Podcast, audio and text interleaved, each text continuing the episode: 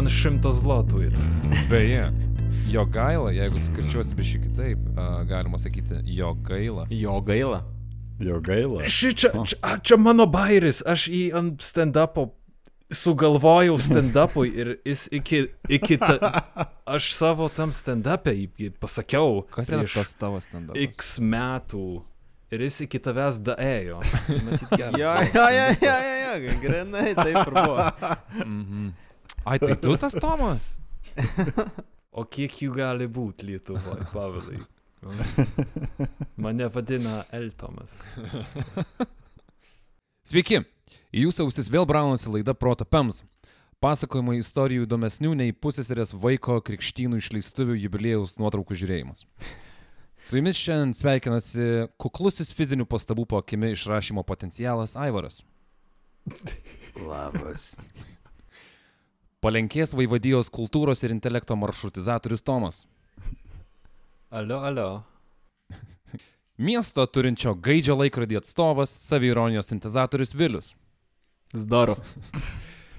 Ir aš, sportinių pasiekimų įtakos norai nusirengti anihiliatorius Povlas. Labas, Povilai. Labas, Paulas. Labas. Labas. Aš iš karto šiausiu klausimą.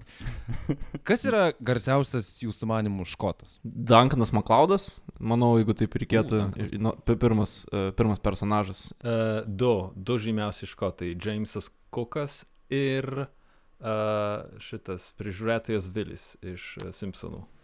Ne, ne, aš nesutinku visiškai. Su fuck, fucking kalniečiu varžytis šitiem dviem yra... Ne.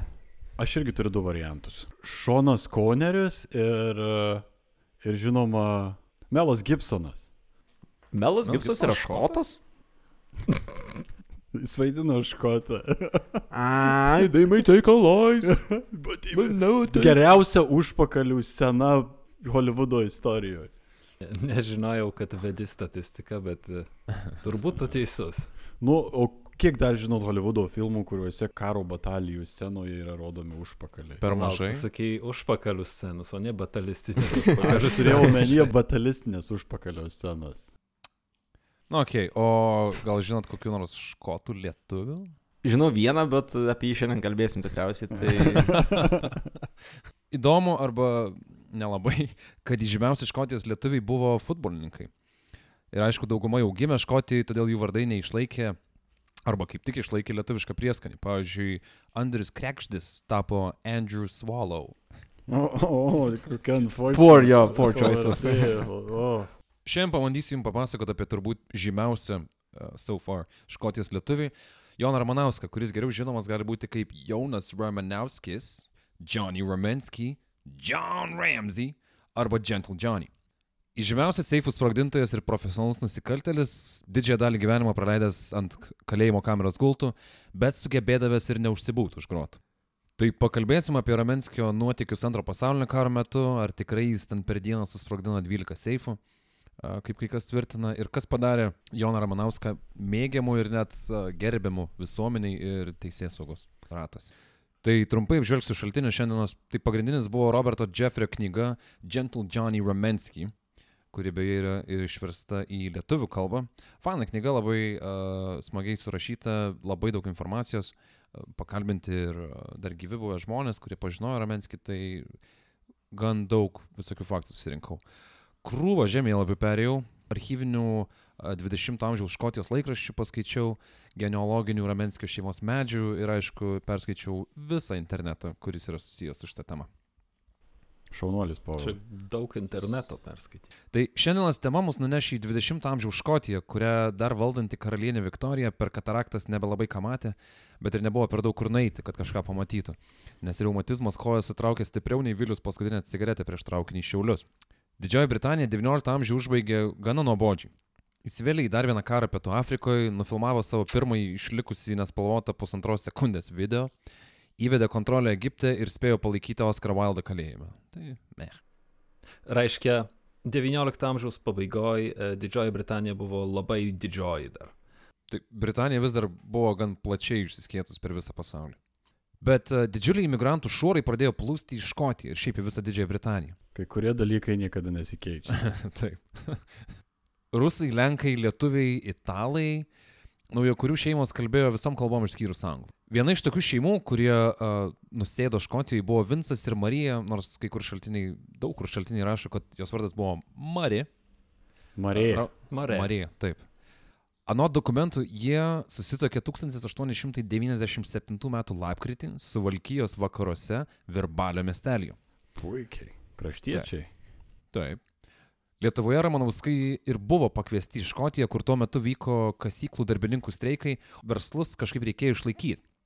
Todėl rytų europiečiai buvo kaip toks šiferio gabalas įmestas į tada į dar rusenantį laužą. Tai palauk. A, situacija buvo tokia, kad vietiniai a, protestavo ir streikavo, tad reikėjo Taip. pigios darbo jėgos, Taip, kad kuria galėjo gamyba. tapti lenkai, lietuviai ir taip toliau ir panašiai. Taip? Taip. Ok, ačiū. Tradiciškai. Mhm. Vieno Nieko 20 naujo. amžiaus. Jūs nedirbsit, rasim, kas dirbs. Istorija, istorija juda spirale. Taip. Vincas buvo, beje, kas vadinama strike breakeris. Tai vietinių darbininkų streiko metu surasta pamaina atgaivint kasyklom. Tai kaip ir sakei. Mėgstamiausias kaimo žmogus tikriausiai turėjo būti Mhm. imigrantas, kuris suknisa tavo visą, visą streiką. Tai reiškia, savo karjerą jis pradėjo nuo to, kad vogė darbus, ar ne? Jo. Bet Taip. pa, pagalvok, koks turėjo būti morališkai stiprus vyras, kad atvažiavęs į kitą šalį galėtum šitaip elgtis ir nebijot, kad tave kas nors ant šakių išneš tiesiog iš tavo ten, nežinau, kad ir kur begyventum. Visa šita situacija sukėlė super didelį nepasitenkinimą netoli Glasgow esančiame Šiaurės Lanarkšyre, į kurį šeima ir atsikrausti iš Lietuvos. Atsiprašau, šiaurės Lana kur? Šiaurės Lanarkšyras. Aš visus pavadinimus, Okay. ką šiandien sakysiu, pasakysiu neteisingai. tai įdomu, kad šiais laikais tuo metinė Lietuva vienas škotų istorikas John Burroughs apibūdino kaip 90-ųjų Kosovą. Tai kraustimasis kaip ir suprantamas. Tai gal nėra nuostabu, kad Ramanauskai išvyko į svetimą kraštą bandyti prasimušti net nemokėdami angliškai. Atvažiavus Vincas darbavosi molio kasyklose, o jo žmona rūpinosi 1905 metais gimusi sunumi Jonu.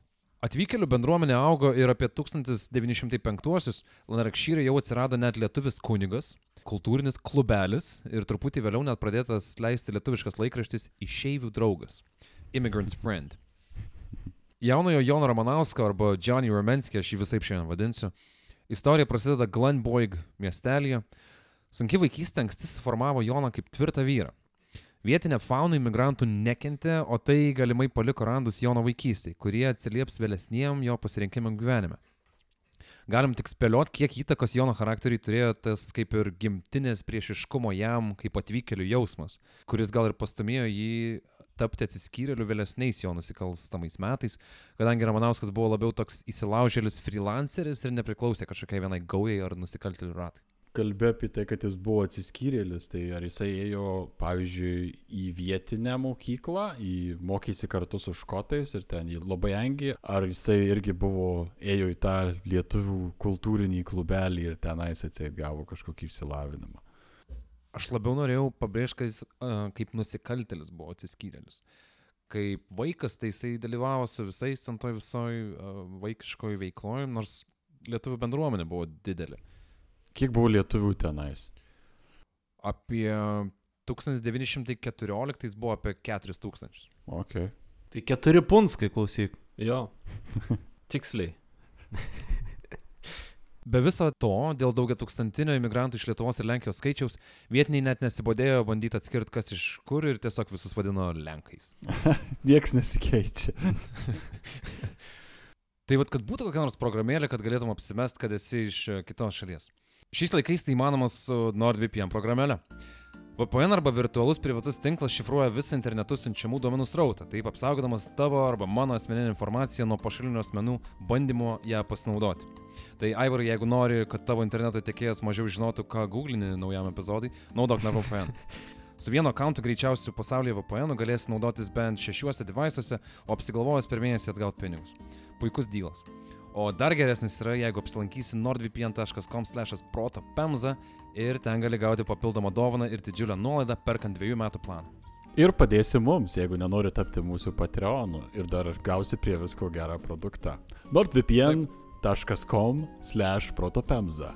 Labai lengva atsiminti. nordvpn.com slash protopemza. Berniukas gimęs šalyje, kuri jo tėvams buvo sava tiek, kiek Delfi komentatoriams savikontrolė, gal net turėjo tautinio identiteto problemų, likimo toliau nebuvo lepinamas. Tėvas Jonas spėjo apmokyti darbo kasyklose subtilybių ir tai buvo pirmasis Ramenskio darbas, kaip ir daugelio imigrantų šeimų narių apylinkėse. Kokio amžiaus jis pradėjo dirbti? A, keliolikos. Kaip, ro, kaip Ronas Swansonas. Gimus nepritekliai ir skurde, lengvi pinigai gaunami iš nusikaltimų, privertė Joną išlysti iš šachtos ir išklysti iš juodadarbio kelio. O jis mėgdavo gesinti šachtą. Ne. Ačiū už informaciją.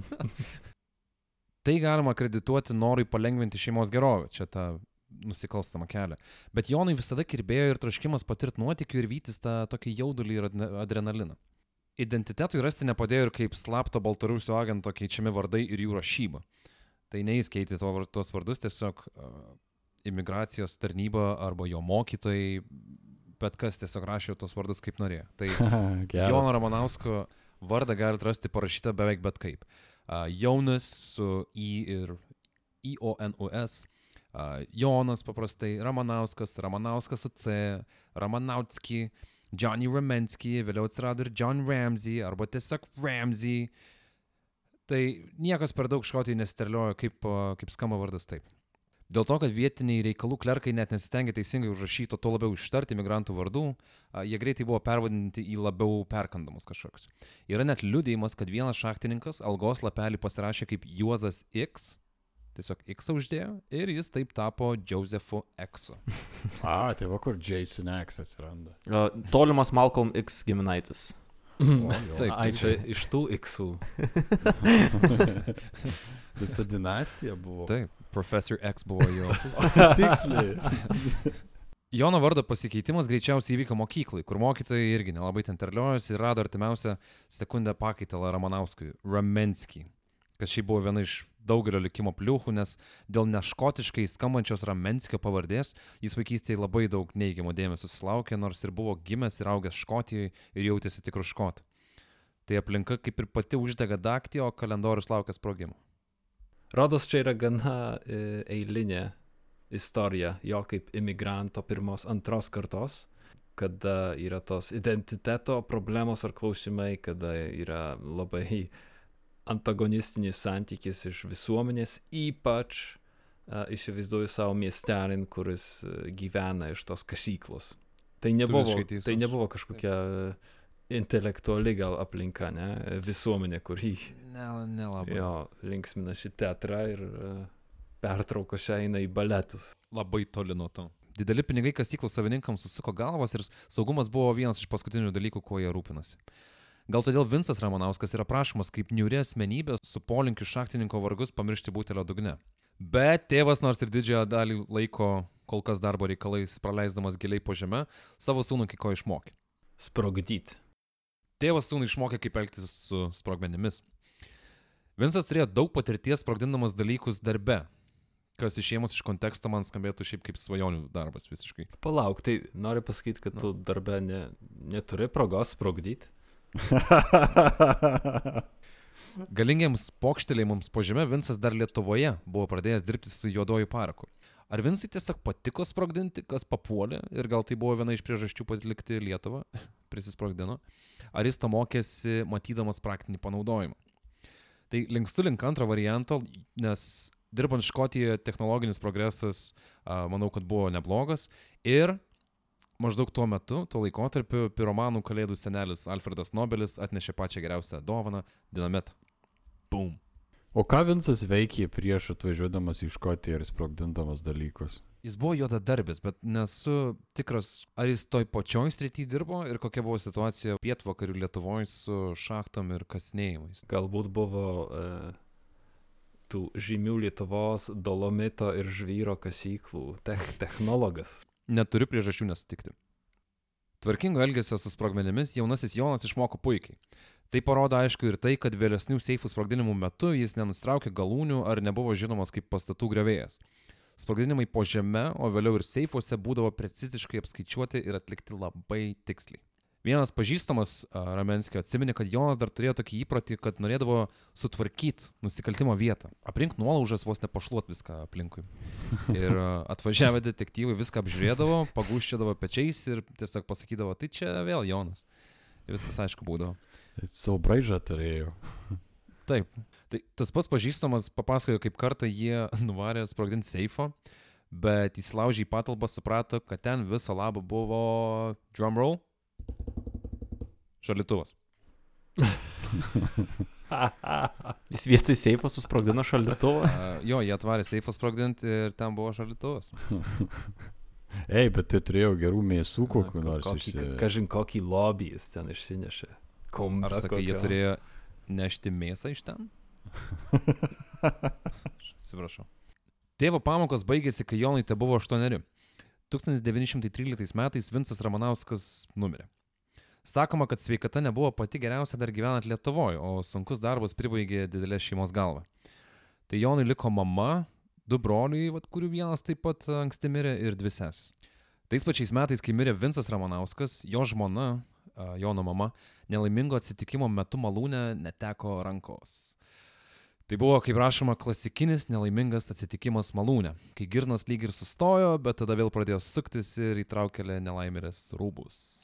Metai buvo sunkus ir šeimai netekus pagrindinio maitintojo apie tuos pačius 1913 metus teko išsikraustyti į vieną baisiausių Glasgow rajonų pavadinimu Gorbals. Tai aštuonmetis išsikraustas su mama, dviem sesėm ir turbūt jau tik tai vienu likusiu broliu į Gorbals rajoną, kuriame vyko gaujų ir policijos susirėmimai, buvo daug smurto ir mažai meilės. Tai Gorbals rajonas Glasgas 20 amžiaus pradžia. Ne pati geriausia vieta gyventi, o tuo labiau, kai esi aštuonmetis berniukas. Nusikaltėliai dėl savo pasirinkimų dažnai kaltindavo skurdą, kas nebuvo toli nuo tiesos. Dėl to jie kaip aukas įvardindavo save, o ne plėšiamuosius. O, Tai- vargšelį kokie. Aha, I know. Skurdas ir buvo viena iš pagrindinių priežasčių tam, kad jau 11-metis Jonas jau turėjo nemažai reikalų su teisėsauga. Bet reikalai su teisėsauga tais laikais buvo truputį kitokie.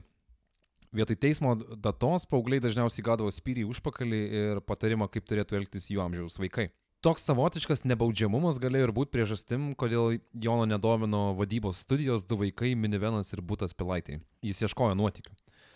Mano mėgstamo animacinio serialo pagrindinis herojus kartą paklaustas, ko jis tiek įsivelia į bedas, atsakė, kad dėl to, kad jam visą laiką nuobodu.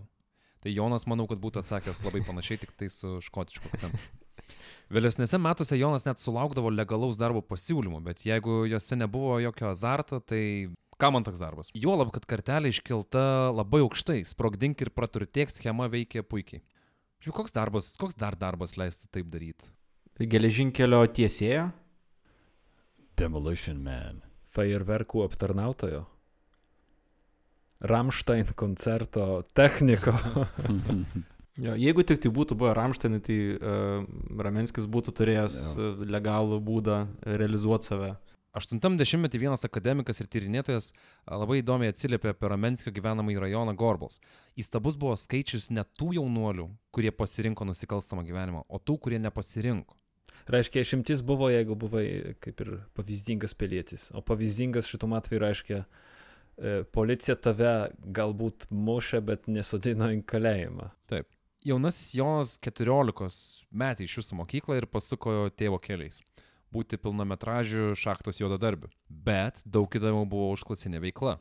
Škotų pareigūnų kantrybė, aišku, turėjo ribas ir penitencinė tapkė jau skriejo link lietuviškos ramenskio šiknos. O aišku, už ką? Ta prasme, kokie? Taip, taip, taip, to jau. Už tą šaldytuvą turbūt. 1921 metais už vagystę Jonas buvo išsiustas į miestelį tarp Glasgow ir Edinburgo - Polmontą, į jaunuolių koloniją. Institucija vadinosi Borstal, o tai buvo kaip bendrinis pavadinimas tokioms jaunuolių kolonijoms. Kolonija kaip kolonija, prižiūrėtojai ten dažnai jaunuolius palikdavo vienus, kad jie patys išsiaiškintų santykius. Tai aišku, kaip geriau perauklėti, negu palikti susiburt gaujom jaunus žmonės. Tai gal dėl to pabuvojimas ir išgyvenimas toj kolonijai būdavo prestižinis ženklelis ant nusikaltelio uniformos, ypač Glasgow gatvėse.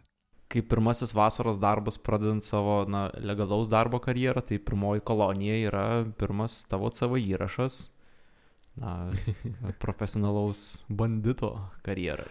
Tai jūs norite aplikuoti į mano gaują, ar ne? Kokia pozicija? Vairuotojo. Mm, Matau visai neblogos referencijos. Borstalas, gražiai, gražiai. Tai apie šią pirmąją koloniją norėjau užsiminti nebereikalą, nes Jonas ten laiką leido iki 1924 ir per tuos trejus metus labai aktyviai užsiemė sportą, o ypač gimnastiką. Gimnastika ta, kur uh, šokinėja backflipais ir, uh, ir aplink ožį sukasi ant rankų besilaikydami. Taip, tik tai way cooler. Mhm. Okay, nu taigi čia bus bandito olimpiada, galima pavadinti, kas čia Bet sakai, kad iki 24 metų ten sėdėjo, ne? Tai Taip. kai jis išėjo, jam kiek jau metukų mes turim sukonstravę? Mm, 19. 19, okei, tai va, prašau, šviežias mokyklinukas, baigęs. Taip. Išgyvenęs Borstalo koloniją šitą. Ir jau gatvėj tu esi visai rimtas vyrukas. Su kvalifikacijom jau, jau ne interno darbas. Rekomendaciniu laišku. Išėjęs iš Borstalo kolonijos, Jonas laisvė ilgai nesidžiaugė. Ir pripraskit prie šitą sakinį. Nes jau po metų, 1925-aisiais, stovėjo teisme ir išgirdo, kad už 16 įsilaužimų jo jau kaip saugusio vyro laukia pusantrų metų kalėjimo bausmė. Tikro. Už 16 įsilaužimų tik pusantrų metų? Bet pusantrų metų tikro saugusių vyrų kalėjimo. Reiškia, buvo verta patvarkyti tuos namus įsilaužant vis tiek. Jo, ta prasme. Žemesnį tą gaudavo. Jeigu prisiplėši bent mėnesio vertės pajamų, tai čia skaitai pusantrų metų gyvenimo yra vos ne ir po to tik tiek pat atsėdi. Tai, hm. Šiaip a, paskutiniam įsilaužime jį prigavo netikėtai namo grįžus tarnaitė namo. Teisme Jonas buvo apkaltintas tarnaitės laikymų už gerklės, bet tai nebuvo įvardinta. Ne, bet tai nebuvo įvardinta kaip kažkoks agresyvus smurtas. Okay. Ir Jono įvaizdžiai pagerinti buvo paminėta, kad visi jo pavok- pavogti vertybiniai popieriai buvo paštu išsiųsti jų savininkų. Teisėjas pasakė, kad nenori skirti griežtos bausmės tokiam jaunam vyrui, bet jeigu dar kartą pamatys jį teisme, bus blogai. Jonas šovė didžiulį sin visam šitam dalykui ir kažkur šitoje visoje situacijoje buvusi kažkokia pamoka nebuvo išmokta visiškai. Ir šiaip gyvenime jis gavo tiek antrų šansų, kad jau nebegalima vadinti jų antrais. Hei, tai, bet jis toks visai uh, nuo pat pirmų savo dienų uh, sofistikuotas vagis, nes vertybinius popierius vogia, pamanykime, kokias ten žvakidės ar, ar nežinau, ką tuo metu žmonės vogdavo, bet... Žv, jo, žvakidės. Per visą gyvenimą Jonas gavo apie 60 metų kalėjimo, atsėdėjo daugiau negu 40. Tai Ramenskė, Ramenskė biografijos autorius šiaip net rašė, kad jeigu kas nors jam būtų leidęs, tai Jonas būtų galėjęs laisvai parašyti 20-ojo amžiaus Škotijos kalėjimų evoliucijos istoriją. Wow. Ei, pala, pala. Tuoj grįšim prie seifų sprogdinimų, tik norėjom padėkoti, kad klausai mūsų laidos. Kiekvienas laikas ir pasidalinimas su draugais Facebook'e leis mūsų pasakojimams istorijoms pasiekti dar daugiau žmonių. O taip pat, jeigu nori ir gali prisidėti prie mūsų knygų, technikos, Tomo bilieto iš Punsko į Vilnių ir kitų resursų įsigijimo, tai mūsų Patreon puslapis yra tikras seifas, pilnas papildomo turinio ir išskirtinių pasiūlymų. Ačiū tau. Jonas greitai suprato, kad uh, Borstalo kolonija nuo kalėjimo skiriasi kaip Tomo Tinderio deito profilio nuotraukos nuo realybės. Bendrų panašumų yra, bet nori įrašyti pareiškimą, kad kažkas kažką darytų. Tai kalėjimo kursiokai neskyrė lietuvių nuo lenkų tradiciškai, tai Jonas kaip ir vėl tradiciškai būdavo vadinamas lenku arba tiesiog užsieniečių. Nors gimė Škotijoje ir nei Lietuvos, nei Lenkijos, kiek radau duomenų savam kojom, net nebuvo mindęs. Kalėjime, aišku, jį engė, ko neveikė ir e, nebuvo sulaukta jokios pagarbos ar ramybės. Ir nepaisant aplinkos keliančios mažiausiai bent jau frustraciją, Jonas nebuvo maištautojas, o buvo beveik pavyzdinis kalinys. Riaušių nekėlė, valyklos maisto nemėtė. Bet kodėl sakiau beveik pavyzdinis, neklausite jūs. Aš vis tiek atsakysiu. Jonas pastoviai rašydavo laiškus kalėjimo valdybai. Tai dėl savo kalinimo sąlygų, tai dėl kalėjimo kursiokų kalinimo sąlygų ar kažkokių neteisybių jų gyvenime narvelėje. Aktyvistas buvo. Aktyvistas yra labai tinkamas terminas. Taip, žmogaus teisės, mažai žinoma žmogaus teisės. Saviveiklininkas. Saviveiklininkas, senas, geras saviveiklininkas.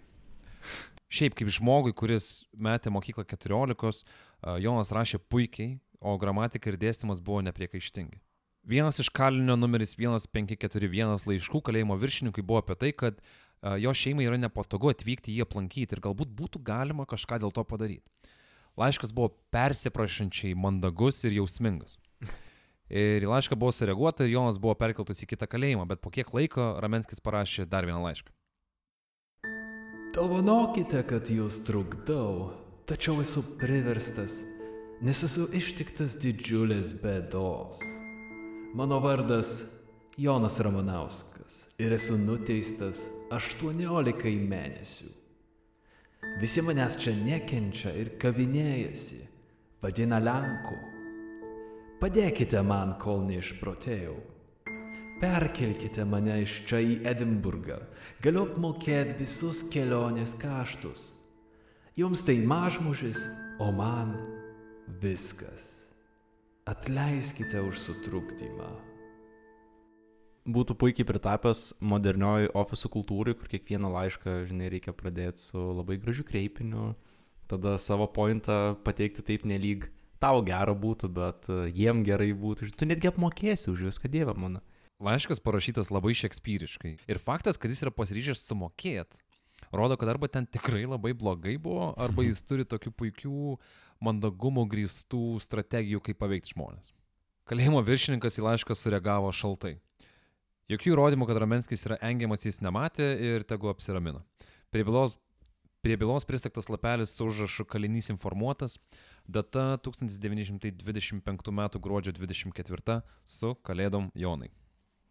Ah, bet povalai, kas čia pasakoja apie kažkokius laiškus mum, kai mes norim veiksmą? Taip, Povilai, ką tu čia pasakoji mums apie kažkokius laiškus, kai mes norim veiksmo? Augantis Ramanausko pyktis kaip ir suprantamas. Augantis visuomenės susidomėjimas juo taip pat. Iš laikraščių žmonės jau žinojo truputį apie Johnny Ramensky, bet 1931 m. Liepos 31 Barlinį kalėjime jis iškrėtė kažką, kas dabar pritrauktų ir filmuojančius dronus ir Twitterio hashtagus. Maždaug antrą valandą po piet Jonas sportavo kalėjimo kieme. Staiga niekam nieko nepasakęs, nusimetė batus Palauk, sportavo. Taip. Jis sakė akrobatas, ne? Tai Taip. aš įsivaizduoju savo atsispaudimus, stovėdamas ant rankų darė. Taip, Sukas ant to. netyčia jo. laisvai, manau.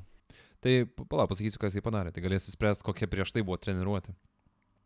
Tai niekam nieko nesakė, nusimetė batus ir tik su koinėm nu ir kitais rūbais nubėgo per kiemą ir jo kampe pradėjo lipti vamzdžių į viršų. Greitai užsikabarojo 20 metrų į viršų ir atsirado ant pastato stogo. Parkour! Tai ir viskas taip greitai įvyko, kad sargybiniai net nelabai spėjo ten normaliai sureaguoti.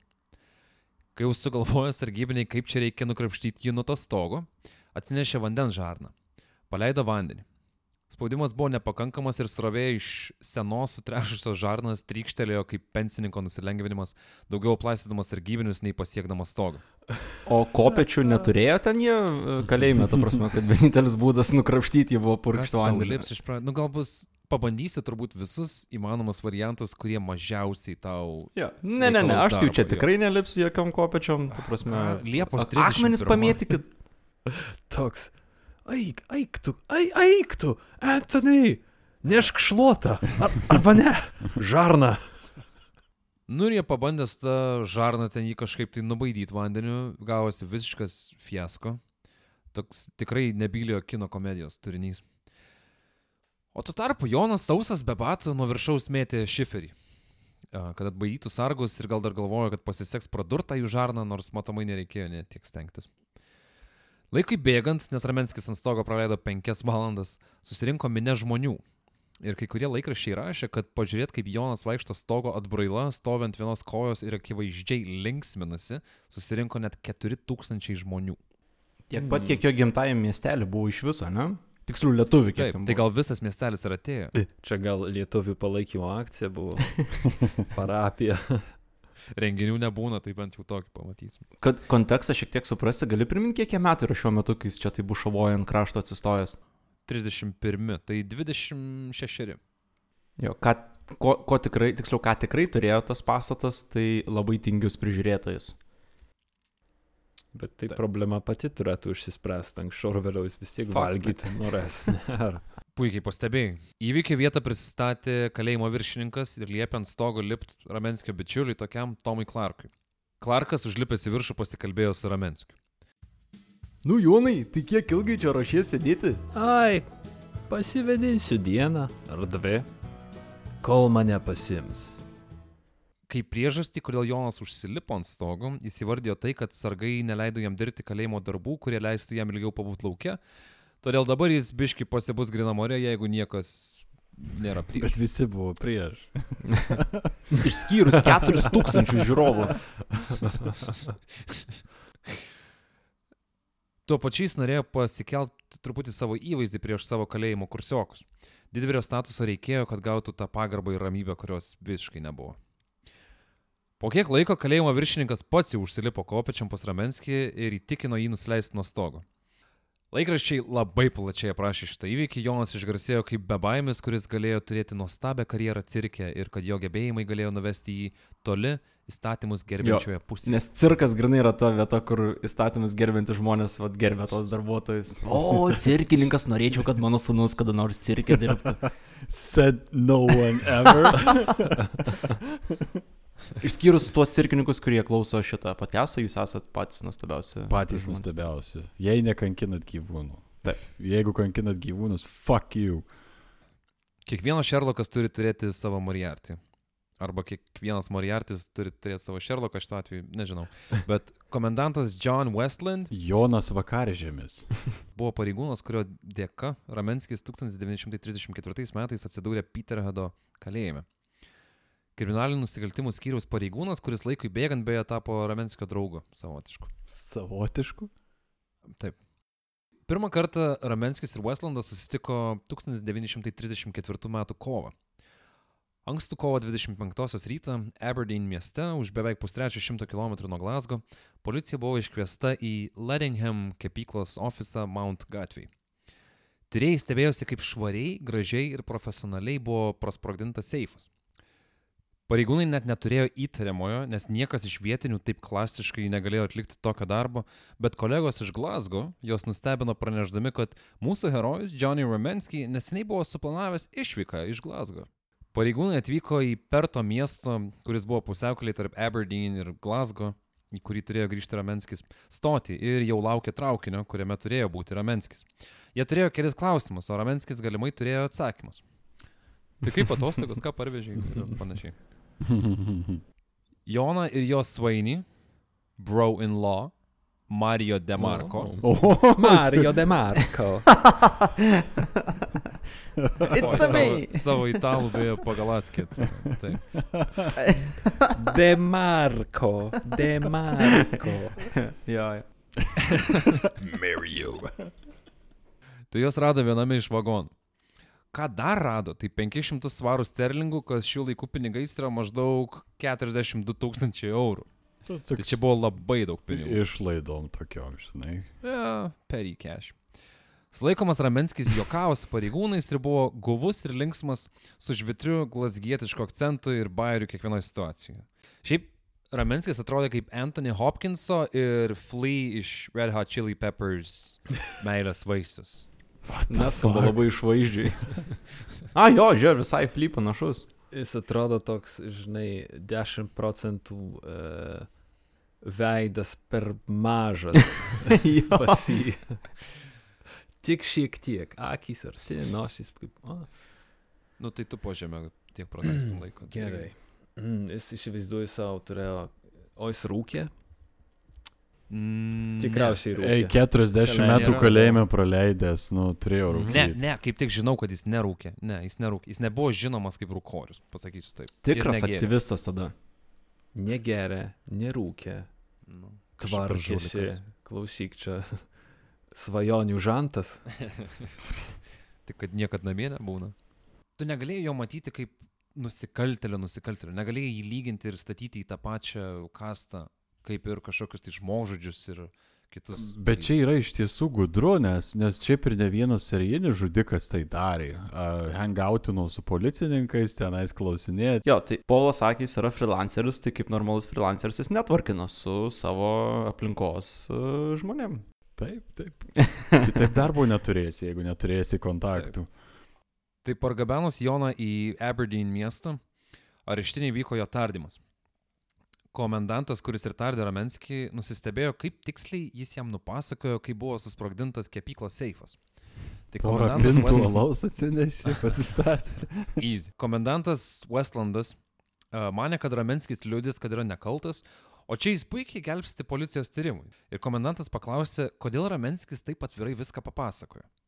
Na, ponia Westlandai, jūs nepanašus į vyrą, kuris visą tai ištaukštų teisme, bet jei ir esat toks, mes čia tik dviese, o jūsų žodis toks pat svarus, kiek mano. Nors aš ir seifų sprogdintojas. Tai jeigu teisingai suprantu, jis pasakė viską dėl to, kad nu, su mintim, kad po to galėtų visą tą paneigti, jeigu norėtų, ta prasme, ar... Uh, Iš dalies taip. Bet tuo pačiu uh, Ramenskis visą nusikaltimų pasaulį matė kaip žaidimą ir kiekvieną sulaikymą jis priėmė ir kiekvieną kalėjimo bausmę, kurią gavo, jis priėmė kaip žaidimo tokį vieną iš lygių. mhm. Ir jis niekada nesiginčiojo beveik ir a, niekada nevaidino kažkokios aukos ir kad kažko tai nepadarė. Skamba kaip ruletė mėgstantis pasukti jaunuolis toks. Iš kitos pusės reputacija labai greitai bildinėsi, nes tu gali netgi priburti visko, priešnekėti. O čia jo pakišau, žinai, sukišau čia į stiklinę, kažką susprogo, viskas išėjo velniop ir taip toliau ir panašiai. Tai ir tas prisideda. Jo, prisideda prie legendos kūrimo, man atrodo, kas Kurio? irgi turbūt buvo labai svarbu tuo metu nusikaltėlių pasaulyje. Vėlgi, uh, freelanceris, kuris darosi savo Mhm. portfolio. Taip, Mm. taip. Verslininkas, Čia grįžtant biski prie e, Povilo minties, šita citata skamba taip, lyg jisai uh, siektų kažkokio fair play apdovanojimo, kad toks, nu, taškas tau, pagavai mane. kad ką čia, jo, ką čia, ką čia bet pridursi. Aš tai šiaip ekranizacijoje Ramenskio matau, kaip uh, Westlandui jisai pasakoja, kaip viską tenai būrė ir darė. Ir tiesiog toks uh, tada nukertamas veiksmas į kažkokią kitą vietą. Ir tada jau kai grįžta veiksmas atgal į tą tardymo kamerą, jau sėdė aštuoniese. Taip. Ir tiesiog klausosi pasakoti. Geria alų. buvo. Jo, jo, jo. Žiūrėk. Tom Cruise as Johnny Ramensky. Žiūrėtum tokį filmą. Aš tik dėl ūgio paėmiau Tomą jo, Ir jis pats savo stantus daro, tai irgi turbūt pavaikščioti. A, jo, ant okei. stogo. Mažas, kresnas ir greit laksto, ne? Taip. O jeigu uh, Robertas Downis Jr. A, O, neblogas, bet jis annoying man labai. Bet Čia irgi- mano yra. irgi, prejudice. jis gal metras 73, man atrodo. Ei, bet Flea vaidino The Big Labauski, tai labiausiai A, panašus. Vizualiai šimtų procentų panašus. Tikrai. Galėtų dar. Norėčiau pamatyti Flea užbėgantį per kalėjimo tą lietvamsdį ant, Jo, ant stogo. Taip. Tai vad, Westlandas turbūt nežinojo net kaip reaguoti. Bet vienaip ar kitaip, 1934 metais Ramenskis penkeriems metams keliauja į Peterhead kalėjimą už visą šitą spektaklį. Demarko gavo pusantrų metų kaip jo padėjėjas. Kaip ir lošimas didelėmis sumomis ar nusikaltimai, taip pabėgimai iš kalėjimo labai tiko Ramenskio nuotikių ieškojimo niežuliui pakasyti. Tai laikraščiai jau buvo spėję jį išgarsinti Škotijoje, po pasirodymo ant Barlinį kalėjimo stogo Ramenskio populiarumas tikrai išaugo ir visuomenė gal, gal net truputį laukė, kas dar jiems bus pademonstruota. Peterheadė net buvo jokaujama, kad personalas dažnai net nežinodavo, yra jis tai kameroje ar nėra. tai, Labai, sakyčiau, tokie kvalifikuoti prižiūrėtai. O. Tokį, nu, ne, ne, ne, kaip sakant, nesijaudinantys per daug. Ne. Ja. Nu, blogiausiu atveju pabėgs. Jo, jo.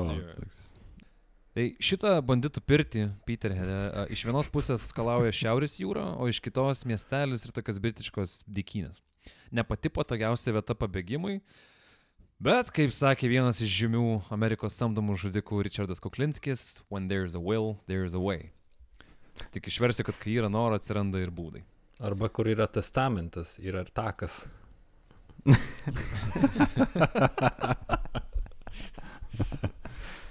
Neturiu priežasčių nesutikti, taip. Tai 34 lapkritis Škotijos rytuose buvo šaltas ir niūrus, kaip tavo čili picas vakarienė iš Bolto. Ramenskis, priminsiu, Peterheadė sėdė už kepyklos seifo sprogdinimą ir buvo pagautas komendanto Westlando. Būdamas atletiškas gimnastas, kažkaip sugebėjo užlipti tvorą, kuri beveik neturėjo atbrailų. Buvo šlikštus rytas, vis užėdavo puga, bet tarp 7-8 ryto Džonis ruda kalėjimo uniforma perlipo kalėjimo tvorą ir nukulniavo tolyn. Čia yra septyni mėnesiai po to, kai jis uh, gavo penkerius metus už uh, kepyklos seifo turinio pasiskolinimą. Cigarečių nusipirkti išėjo. Jo, tas, tai kiek Jeigu mes čia sėdėsim? Jei teisingai suprantu, jis tiesiog priejo, perlipo tvorą ir išėjo, ne? Taip. Na, kol kas labai panašiai skamba iš požiūrio, kurį buvai minėjęs uh, prižiūrėtojai, ne? Ta prasme, O, Ne, kas ten? yra- Kas būtų, kas galėjo tikėtis, kad žmogus, kuris užlipo ant stogo ir šiaip buvo akrobatas gimnastas, nebūtų sustabdytas tvoros. Čia buvo iš, iš gėdro dangaus žaibas. Suskambus kalėjimo alarmui buvo mestos didžiulės uh, pajėgos pabėgėlių ieškojimui, liudininkų radimui ir kalbinimui, fermų kratymui ir sangrįžų stebėjimui. Bet Jonas sugebėjo nukakti iki Elon miestelio apie 30 km nuo kalėjimo. Ir ten jis iššovė vieną iš geresnių savo pasirodymų. Per Elon miestelį teka upė pavadinimu Ethan, turbūt. Per upę eina tiltas. O iš abiejų tilto pusių stovi policijos pareigūnų ekipažai. Jonui reikia kirst uh, maždaug 20 m pločio upę. Ką daryti? Prepučiamas tiltas galbūt. Surišt rūbus. Nėra labai daug priemonių. Ar-. Ten, turi. liekant prie driežo uh, analogijos, ar jis perbėgo per vandenį tiesiog? Mažiau krikščioniškas stebuklas. Iš marškinių savo pasidarė uh, tokį parašiutą, su kuriuo perskrido. Pas, pasidarė tokį gimnastinį suktuką, kad tiesiog per, pa, pavyko pe- perskrast, ne? Uh, Deja. Batutas. Patuta. jau. Tutas, taip. Jonas visiškai sutrolindamas pareigūnus sugebėjo atsidurti po tiltu ir pasikabinęs rankomis ant tilto sijų ir kyšančių akmenų, siubuodamas persigabino save į kitą pusę. O Prince of Persia čia. Taip, taip. Ir kitoj pusėje jau nusileidęs, jisai nuėjo ir pasislėpė netoli esančiame garaže palaukti, kol sutems. Ta prasme, Taip. net nebuvo tamsu, kai jis vis tai darė. O ką jis veikia ten laukdamas? Jis tikriausiai pasitvarkė po pirmas dalykas. A, jo, Ištva, na, ištvarkė kažkam garažą. numalšint troškulį. Aš tokiam jovalio nesidėsiu. Jis užšlavė viską.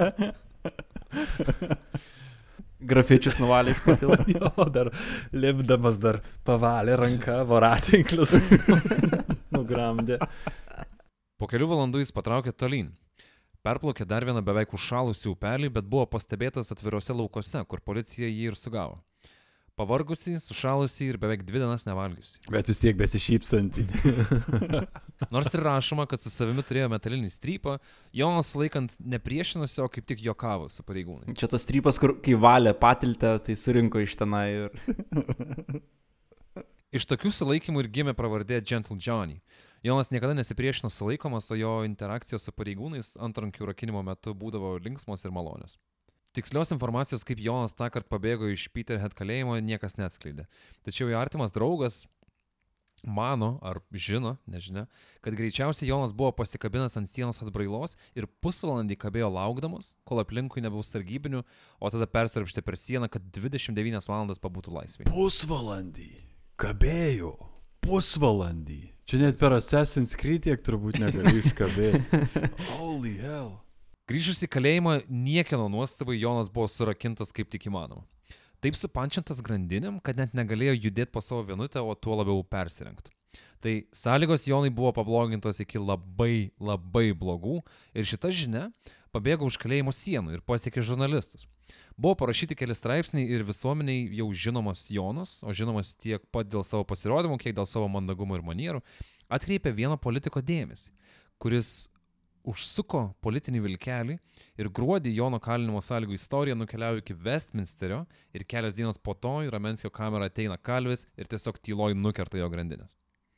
Ha. Nice. Tai vad atsiperka jo visas bildinimas savo tokio įvaizdžio. procentuot pradeda jau jo tas e, susibičiuliavimas su Westlandu, mm -hmm. jo švarūs e, kabutėse e, apiplėšimai. Mm. Palūkanos eina jau. Mhm. Influenceris vis Nu, dėlto, ne? Kažkaip susigebėjo savo pasidaryti. Freelance, nu, nu, vat ir užsidirbo. Beje, tai buvo paskutinis kartas Škotijos istorijoje, kai apskritai kalinys buvo pančiamas grandinėm. Tai pergalė ne tik Jonui, bet turbūt ir visiems kitiem kalėjimo kursiokam. Šitą skyrių pavadinsiu filmu Moriartis ir Sherlockas 2 - nešvarus apatiniai. Arba, arba, slyd, arba slydimo žymė. Labai, labai pornografinio filmo pavadinimas, kurio nenorėčiau uh, pamatyti. Labai specifiniai pomėgiai turėtų. 1938. a, Komendantas Westlandas buvo paskirtas ištirti įsilaužimą į Empress skalbyklą Seaforth gatvėje Aberdeen mieste. Vėlgi, šimtai kilometrų nuo Glasgow. Aišku, ten buvo pastarbavęs ne kas kitas, o mūsų Jonas Ramenskis.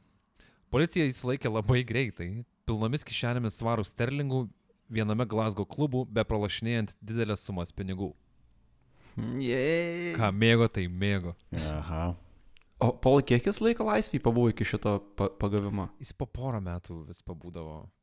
Mhm. Tai įrodymai, bet ne visiškai akivaizdus, o tokie, kurie buvo palikti per netidumą, vėl nusintė Joną į Kaliūzę. Ir vėl penkiems metams. Tądien, kai buvo postisas už grotų, Jonas parašė laišką Aberdeen kalėjimo viršininkui. Buvau nuteistas penkeriems metams už Embras skalbyklos seifo sprogdinimą. Noriu Jūs informuoti, kad mažesniojo seifo spynoje vis dar yra sprogmenų. Tyrėjai nustatė, kad jie jau buvo panaudoti, bet jie neteisūs. Nenoriu, kad būtų aukų. Gentle Johnny. Ne, ta prasme, kas rašo tokius laiškus? Tas, kas nori susimažinti savo sėdėjimo laiką tikriausiai.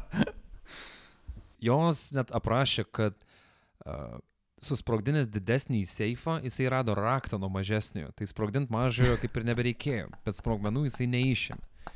O seifas vis dar buvo policijos nuovadui.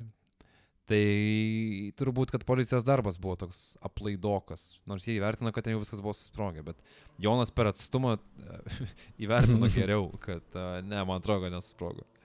Tai čia toks gražus gestas, jau galima tai pavadinti, bet taip, turbūt tam, kad laimėtum mažiau metų kalėjime. Tai laiškas adresatą pasiekė, sprogmenys buvo neutralizuoti, aukų nebuvo. Westlandas turėjo visiškai nebesuprasti, su kuo jisai čia turi reikalų. Labai netipinis nusikaltelis. Ketvirto dešimtmečio antroji pusė Ramenskis daug laiko skyrė laiškų rašymui. Ar ta ir epistoliarinį žanrą buvo įvaldęs? Labai netgi. Labai. Čia, žinai, skamba ne tai, kad jis rašydavo laiškus dėl to, kad literaliai nėra ką veikti kalėjime tikriausiai, bet uh, jausdamas patosą rašyti laiškus. Šiaip laiškai buvo skirti kalėjimo viršininkui, o juose aprašomos blogos laikymo sąlygos. Ramenskis rašė laiškus ir savo kalėjimo kursiokų vardu, nes daugelis iš jų net nebuvo raštingi. Vieną kartą Ramenskis parašė valdybai dėl kalinių, kurie negauna savo ir taip mažo užmokesčio, kol būna gydomi kalėjimo ligoniai, nes kam jums mokėt, kai jūs ten gulit ir nieko neveikia, tinginiai. Jonas taip pat rašė dėl kalinių, kurie nebuvo gydomi nuo plaučių uždegimo, a, vieno iš jų mirti paimdamas kaip pavyzdį, kad taip kalėjime būti neturėtų. Ilgi laiškai, raiškus argumentai, aktualios problemos ir Ramenskis po truputį, po truputį tapo tokiu kalėjimo advokatu. Shawshank Redemption. Taip, pirmame. Visiškai. Jis kalinių gretose buvo, sakykime, toks intelektualas šiek tiek. Žinai, rašyti Taip. moka, mintis dėsto sklandžiai, nešauna į patį pirmą Šiaip, pamatytą vel, žmogų. šiaip net rimtai žiūrint, velniškai talentingas žmogus atrodo, kad buvo. Velniškai. 30 minučių kabėt gali, jeigu, jeigu reikia. Ir tikriausiai labai e, aukšto intelekto, nepaisant to gyvenimo kelio, kurį jis pasirinko. Už tai, kad žiūrėkit, iš vienos pusės jisai uh, teisės saugas stengiasi išlošt uh, tokiais vat laiškais, tokiais uh, gestais, prisipaži prisipažįstamas, o iš kitos pusės draugus kalėjime randa ir užsitikrina savo, gal Jo. nebūtinai apsaugą, bet kaip minimum draugus ar partnerius būsimiem darbam. Uh, tai toks atrodo tikrai socialinio intelekto gana, gana aukšto turėjo būti. Iš kalinio numeris 3747 1937 m. laiško kalėjimo viršininkui. Pone viršininkė, pernai jubiliejaus dieną iš manęs ir kitų kalinių atėmė pusę vakarienės, nors mes ir taip badaujam. Nenorėčiau, kad tai pasikartotų. Pernai iš jo atėmė pusę vakarienės, Ramenskis nenori, kad šiemet tai pasikartotų, į ką kalėjimo valdyba atsakė - badavimas? Ne. Šventinė puota? Irgi ne. Su tokiu atsakymu valdybos tai yra visas sąlygos psichologiniam ir fiziniam problemom viešėti ir žydėti. Ir ilgus metus Ramenskio laiškai rodė, kad jis galėjo turėti gilę depresiją, bet tais laikais niekas to nesirūpino. Buvai paliekamas savo kamerai su savo mintim ir pats kažkaip tai vartykis iš to juodaro. O juodo mintim buvo labai daug laiko, ypač kai tos mintis sukasi apie kaltę. 1931 spalį Jonas vedė savo vaikystės draugę Daisy. Čia aišku, būdamas laisvai. O 32 jiems gimė dukra Mary. Deja, bet didžiąją santokos dalį Jonas praleido kalėjime, o išsiskirimą ir naujoji žmona ir Jonas išgyveno labai sunkiai. Jonas kalėjime nuo 34, pabėgimas jam teigiamų balų ir mažiau dienų irgi nepridėjo. Ir kad ir kiek jis buvo mėgiamas herojus, nebuvo geroje situacijai. 37-ieji atnešė naujieną. Daisy mirė nuo kraujo užkretimo.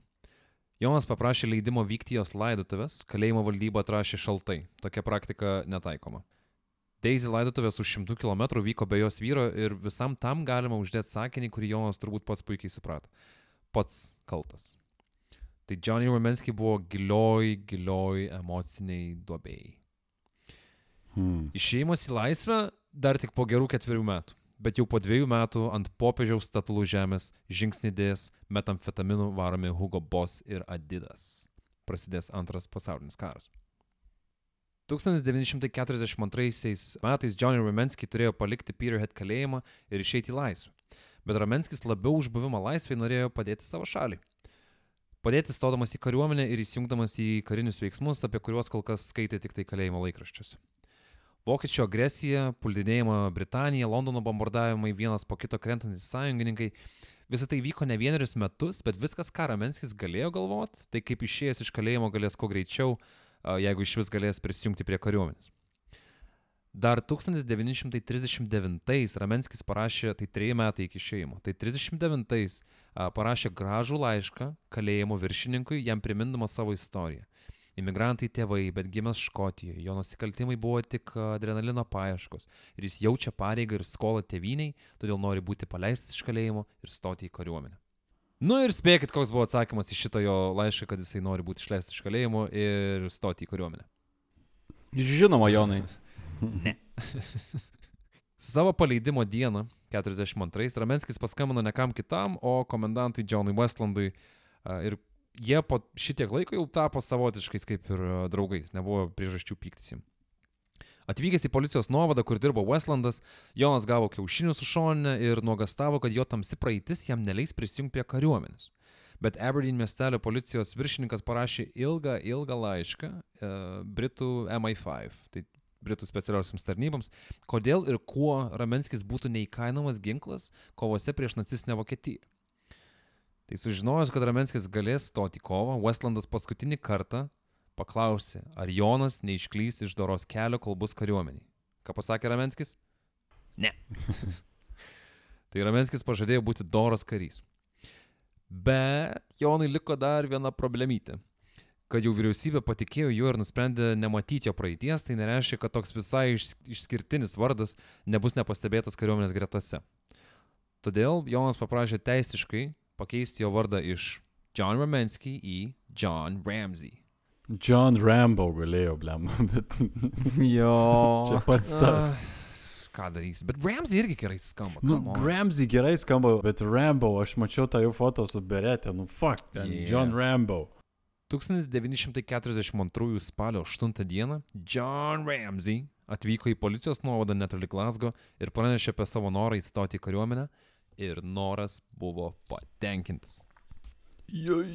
Bet tai čia geras, jie spets tarnybos prieimė, e, prieimė akrobatą išminuotoją, iš esmės, ne? Jo, Taip. Bet tu pagalvok, bičias moka kabėti pusę valandos. Yra masyvus pliusas norint kažkur patekti. Moka sprogdinti seifus, moka čiešint.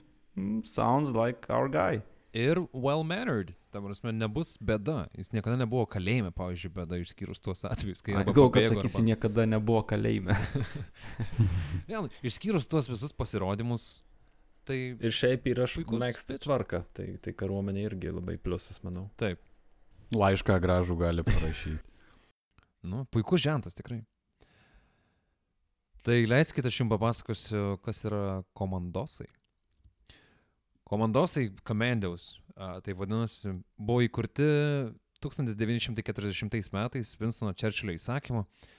Tai buvo karo metu veikusios, iki kiam šeštų, man atrodo, karo metu veikusios specialiosios pajėgos tarnavusios visur, nuo Arkties iki Europos mūšių visur.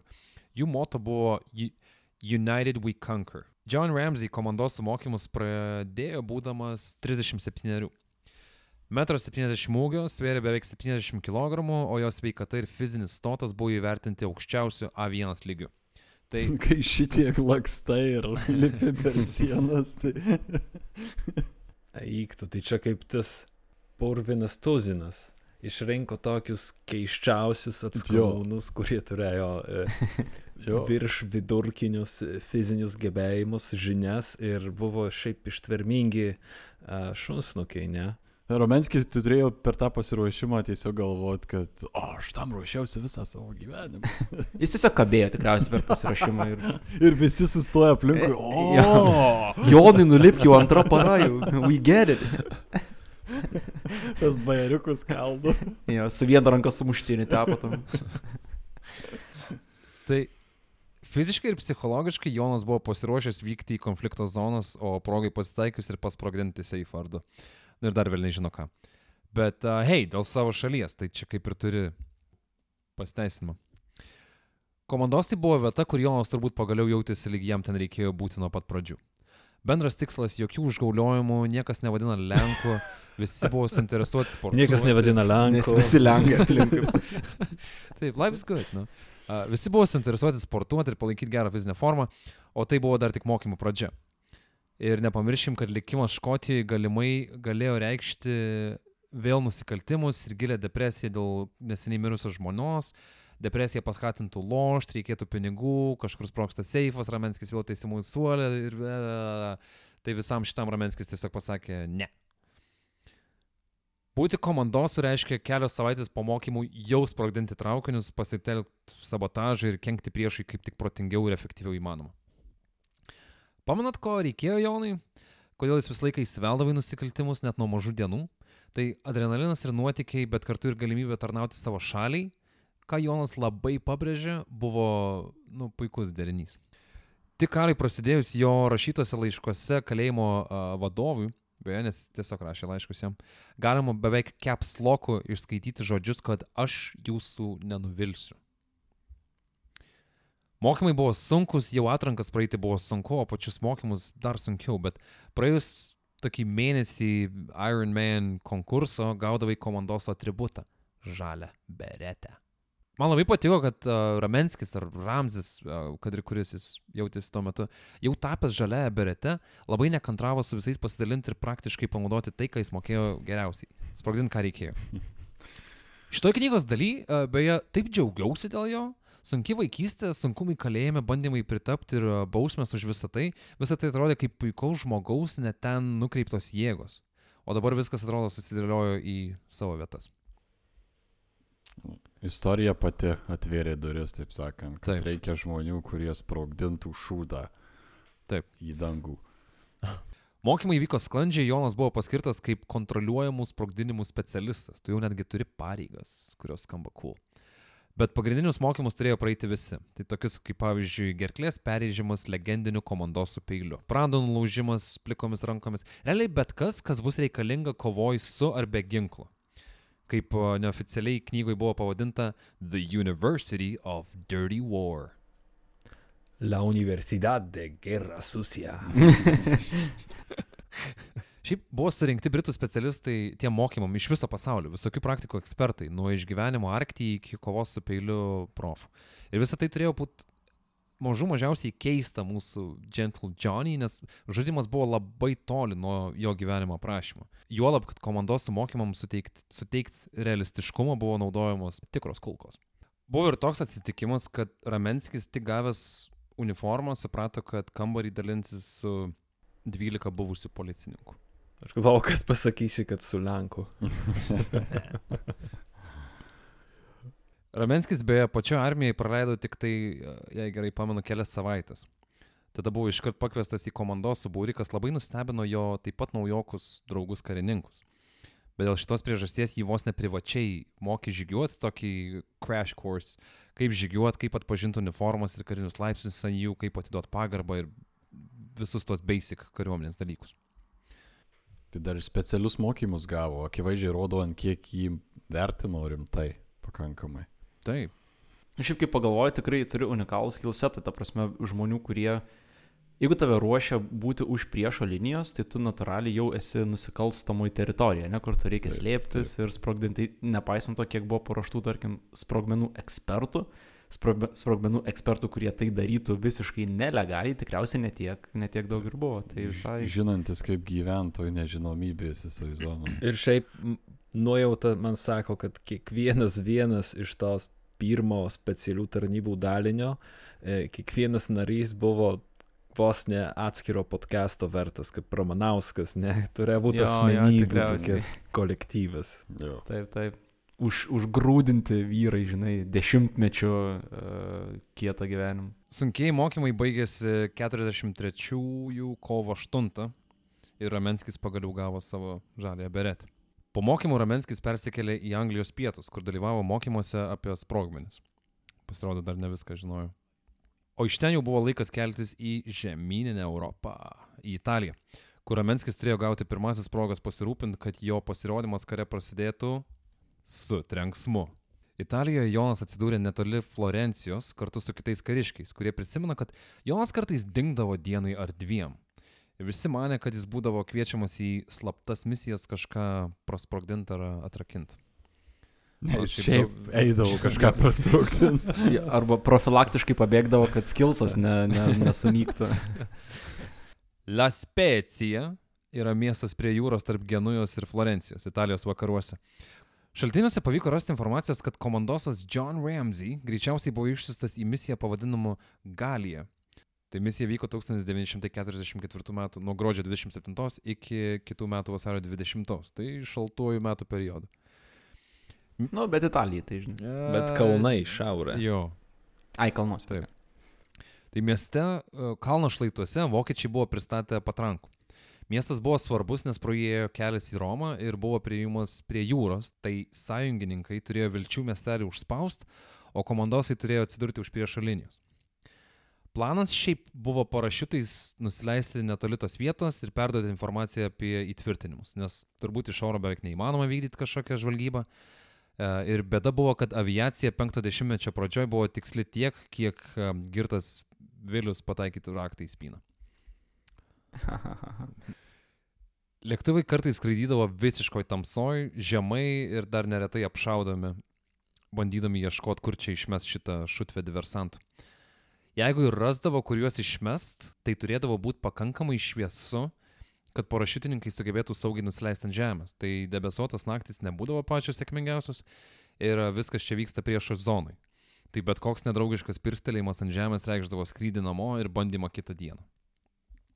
Tai La Specija buvo ta vieta, kur net pats Ramenskis vėliau teigė, kad jau beveik buvo pametęs savo išmatas.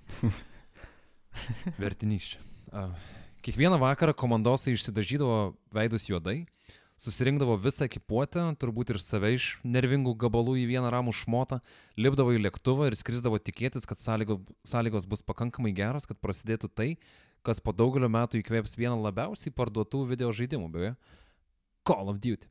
Tai va toks stumtraukis ir vyko. Lipi lėktuvą, lauki jau kada turėsi šokti, bet dėl oro sąlygų ir priešo aktyvumo tenka grįžti namo ir praustis veidą. Nėra informacijos, kiek tiksliai kartų ar dienų tai truko, bet sakoma, kad tai buvo kelias savaitės. Tai po kelių tokių frustracijos pilnų savaičių buvo pakeistas planas ir Jonas su dar devyniais komandosais turėjo prasibrauti į La Specija žemės keliais. Tai išsprogdino kalnus tiesiog. Nu, nes kaip, ką moku, tai moku, gerai. Palaukit. Atsitraukit. Komandosai buvo atvežti į Italijos šiaurę prie fronto linijos, kur tuo metu nacis jau papiški stumdė sąjungininkų tankai. Komandosai suprato, kad kelias link La Specijos eina tiesiai per kalnus, iš kur ir skrido vokiečių ir italų sviediniai. Jonas nešė 30 kg maisto sprogmenų, mėgmaišius ir visi nešė generatorius radijoje, buvo tikrai labai sunku. Tikslas buvo urvas, kuriame buvo pasislėpę ir jų laukia italų partizanai. Prisijungus prie jų teko tamsoj lipti tolyn į nacijų kontroliuojamus įtvirtinimus kalne, ką lydėjo pastovus šaudimas iš abiejų pusių ir, ir riebus keiksmažodžiai. Grupė kantriai brovėsi per priešo kontroliuojamą žemę. Per pabūklų šūvius net negalėjai girdėti savo baimės, kai tamsoje dedikojo už kojos su nepažįstamais žmonėmis, lendant gilyn į nacijų teritoriją. Sunkus nešulys, alsavimas, šūviai, nuovargis, bet viltis, kad tu ateisi į saugią vietą. Pagal planą jie turėjo nesustoti ir judėti. Bet Ramenskio gyvenime labiausiai suplanuota buvo turbūt tik pusryčiai kalėjime, nes tada driokstelėjo sprogimas. A, ir šitoje vietoje, ponai ir ponios, sužinosit už dviejų savaičių, kas atsitiko. Nu, čia žinok, patinka man, kaip užeskalavo šitą istoriją. Čia aš nieko nežinau apie Joną Ramanauską ir čia yra, ho, ho, ho, čia yra trys, keturi Netflixo sezonai. Easy. Easy. Jo, jo, Šiaip a, yra manoma, kad Jonas Ramanauskas galėjo būti įkvėpimas Jamesui Bondui, nes a, Ianas Flemingas, knygų apie Jamesą Bondą autorius, trindavosi Londono klubuose, kur tarp cigarų dūmų kamolių ir brandžio stikliukų skambesio a, tik komandos ausims buvo galima išgirsti slapčiausius karo planus. Tai sakoma, kad ten jis ir susipažino su tikrai ne vienu komandosu, tai kodėlgi ne Jonu, right? kuris buvo toks toks Great Gatsby, Jameso Bondo, Oceano 11, 12 ir 13 ir Robino Hoodo mišinys. Great Gatsby? Nu, mandagus, geras.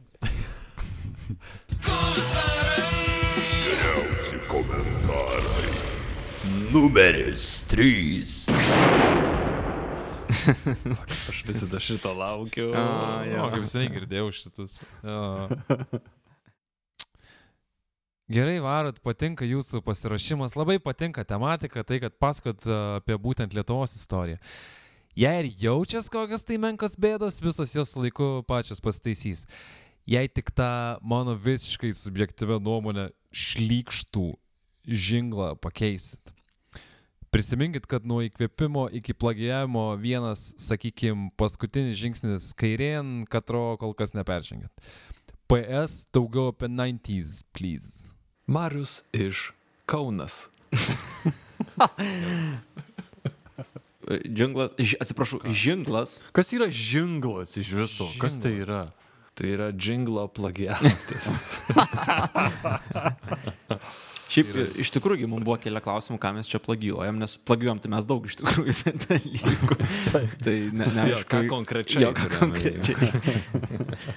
Bet a, a, a, ačiū, ačiū Mariu, kad klausai, šiaip vis tiek bet kuriuo atveju. O tai Marius ar Jonas? O čia gal Marius Jonas. Marius Jonas. Marijos Arba- Mario Honas. Marijo Jonas. Marijo Jonas. O kaip toks žinglas, kad žinbūtų? Ir tada tas.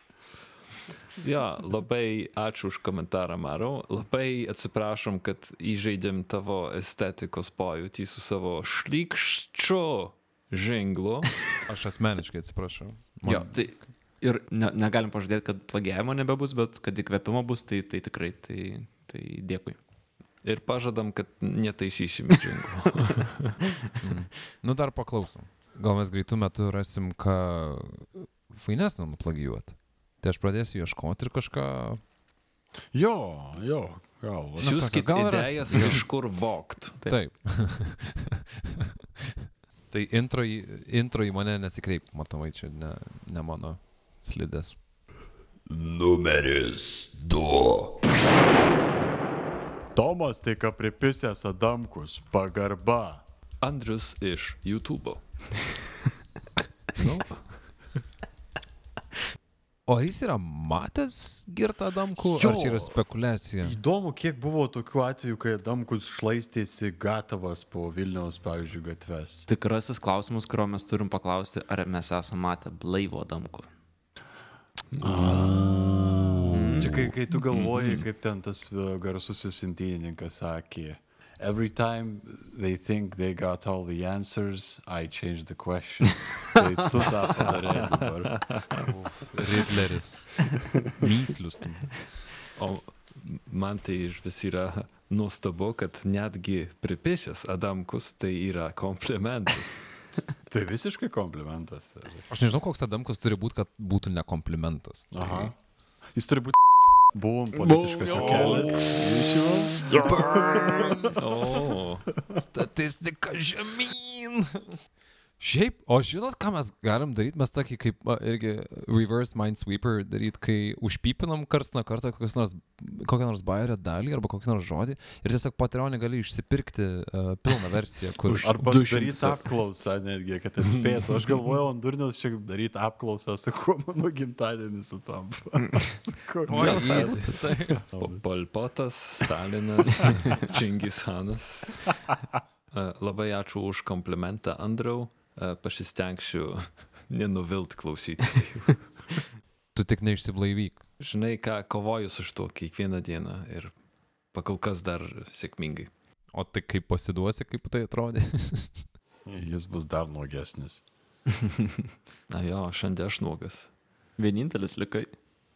Ja, bu, visi mes išskyrus Aivarą buvom. Pas mane nėra taip karšta, kaip pas jūs. Aivaras gimė su apsitempusiais marškinėliais. Jo, net tas pilvas alaus, jisai nenukrenta Mhm. pats. Numeris vienas. Eikit jūs, na, būkit prakeikti, jūs kurvas prakletos. Aš du kartus išsigandau per beldimus įrašę, nes iš galvojau, kad kažkas į langą pirmame aukšte. Tada užlipau aukštesnį, tada išsigandau, kad į k- duris. Išperas. Paulius iš Zanaveikėjos. Kaip pasakyti, kad gyveni kotedžiam? Jo, bet ne, iš kitos pusės. Blembant, kiek tavo sąžiniai turi būti nešvari, kad turi taip baidytis visą laiką kažkokiu mm. -hmm. bendimu. Matyt, kažkokie skolų išmušinėtojai ateina. Bet įdomus šiaip sprendimo būdas. Ne tai, kad tu eini pažiūrėti, kas beldžia, bet tiesiog išeini į kitą aukštą. Jo, jo, tikriausiai Tai- yra kažkoks įprotis slėptis nuo, nuo, nuo Čia, beldimų. čia yra metafora bėgimui nuo gyvenimo problemų, kur tu pasieki tašką, kur tiesiog nebeturi kur bėgti. Nes esi antram aukšte, tai reikia arba šūkti pro langą. Jau užkopiai uh, į viršų ir kaltė belį, čia kaip uh, aliuzija į platformą, žinai. Uh, tą. Negali pasiekti tokio lygio kaip Paulius, e, nelaimėjęs keleto priešų. jo, jo. Bet iš viso, Pauliau, ar mama žino, kad tu taip komentuoji? Su, Net pripisęs Adamkus turi uh, klausimų iš to vietą. Jo, bet ta pagramantės epizodo vieta tai išgazino nemažą saujelę žmonių visai. Taip, mane patį išgazino tai. Taip. Ir mane. Taip. Gerai buvo atitaikyta, gerai. Bet Pauliau, nebijok, mes su tavim, mm. klausyk toliau Pemza, bus viskas gerai. jo, tik tai gauk savo fiksą ir, ir, bus, ir bus ramu. Puikus komentarai. Taip. Kad jų tik daugiau. Jo, Rašykit. komentuot, klausot, uh, mums malonu, um, nepaisant to, ką jūs ten sakot. Žinot, vis tiek engagementas sukas, tai po ką jūs sakot. Iš tikrųjų. Rašykit komentarus, apsimoka.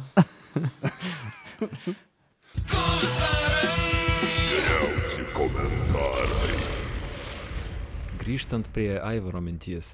Man čia skamba, kad uh, tie filmai, apie kuriuos šnekėjom, ne, Inglorious Bastards, tas uh, Purvinas Tuzinas ir taip toliau, jie tikriausiai remiasi tokiom istorijom ir visiškai nenusteptų, jei konkrečiai šitom žmogum remiasi Visiškai. ne vienas veikėjas, nes visa ta idėja, kad surinkim būrį keistų nepritapėlių Jo, e, ir padarykim iš jų kažką, siūskim juos į misiją, e, nu čia yra, nežinau, e, kvintesencija Hollywoodo. Jo, Gero ir, ir, filmo. vis, ir visada tokiuose filmuose yra vienas tas veikėjas, kuris turi praeitį, kuris buvo nusikaltėlis, jį pagavo ir jo, čia buvo jo vienintelis kelias išeiti iš nusikalstamumo kelio ir, ir nu, Taip, taip. pasaulio. Tačiau jis buvo mandagus uh, ir tik tai aplinkybių dėka atsidūrė tame kelyje, kuriame Taip, atsidūrė taip, visiškai. a, prieš Ten, turėdamas kokią, kokią nors tragišką, turėdamas kokį nors tragišką motivacijos tašką gyvenime, o ten Taip, miršta taip, taip. žmona ir, ir dabar aš pykstu. Jo, miršta žmona, mamai nurovė ranką malūnę. Taip. Mhm. Visada yra veikėjas, kuris yra sprogmenų ekspertas. Čia taip kaip vairuotojas buvo ir sprogmenų ekspertas. Labai cool, ta prasme, amazing. Žmogų, nu, ta prasme, tokio, taip, gyvenimas tuo metu gyvenant jam turbūt nebuvo pats fainiausias ir patogiausias, bet kai spėjau gale gyvenimo, kažkas paklausė jo, arba kai jisai pats žiūrėjo į tą gyvenimą, tai vis tiek turėjau bent kažkuriuo momentu gurkšnuojant tą viskį. Nu čia gal labai užbėgu įvykiam už akių, nes nežinau, kas toliau bus, bet Tai dar Atrodo- nesibaigė. Jo, bet atrodo, kad toks žmogus, kur, žinai, visai gyvenimas buvo toks Mhm. mhm. įdomus. Vertas. Matė dalykų. Kitoje dalyje pamatysit, kaip jisai pats vertino visus šitus savo pasirinkimus ir uh, klystkelius, arba kaip tik teisingus kelius, gal jisai galvoja, kad pasirinko, bet uh, šiuo metu nugriaudėjo sprogimas. Tai uh, paliksiu jums biški intrigą. Sužinoti, Ar jis žinai, bus kas gyvas, ar jis liks gyvas. Tai uh, kitam epizodė sužinosi. A, Aš labai tik norėčiau pasidžiaugti mumis visais, visais keturiais, kad per visą e, šitą įrašinėjimą mes nei karto nesusigundėm tokiu pigiu juokeliu pabandyti įvardinti visą, e, visą Jono gyvenimą ar profesiją kaip blow job man. Bet... e, Šunuolį, ta prasme, nemaniau, kad mes tiek brandus esame. Juozas kartą. labiau galbūt. jo, ten Andrius. Andrius. Swallow, Swallow. jo. E, Vienas papildymas. Actually, techniškai, manau, kad tuo momentu, kai jie vyko į pirmą misiją, jie jau buvo gerai susidraugavę, jie nebuvo nepažįstami žmonės. Visas tas spetsburys buvo kaip kumštis. Dėl to ir e, jų e, moto United we're uh, We conquer. Jo. Mhm. Bet čia, bet čia tik tai... Atsimenu tik United. mažytis Prastesnė kasas. komandosų versija United be something. Čia mūsų, mūsų moto. jo, čia proto pemzas motai. Tai šiam kartui tiek. Ačiū, kad klausot. Ačiū ir įsijunkit, nes aš tai tikrai įsijungsiu. Laukiu, nesulaukiu. Aš, aš dar turiu daug ką papasakot. Come on. Tai uh, būtinai neįsijung. Nebandai neįsijungti, Aivarai. Gerai. Ateisiu kaip komandosas naktį. Kažkaip netaip nuskambėjo. Jo, labai Jo. taip. I'm coming in commando. Ar būsi mano. Ar, ar būsi mano Westlandas? Anyway, gerai, tai uh, stiksim už uh, porą savaičių. Iki. Ačiū. Iki. Viso. Turi gerų ar blogų žodžių mums? O gal temų, kurias norėtum pasiūlyti kitiems epizodams? Parašyk mums žinutę Facebook'e arba e-mailą protopemza.gmail.com. Taipogi jau greitai Patreon'e paskelbsim apie tik rėmėjams skirtus išskirtinius dalykėlius.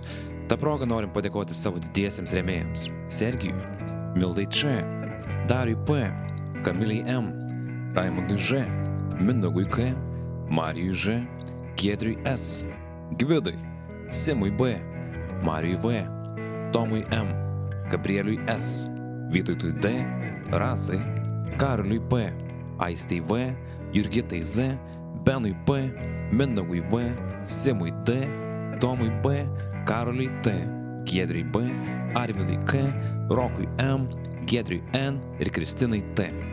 Ačiū Jums.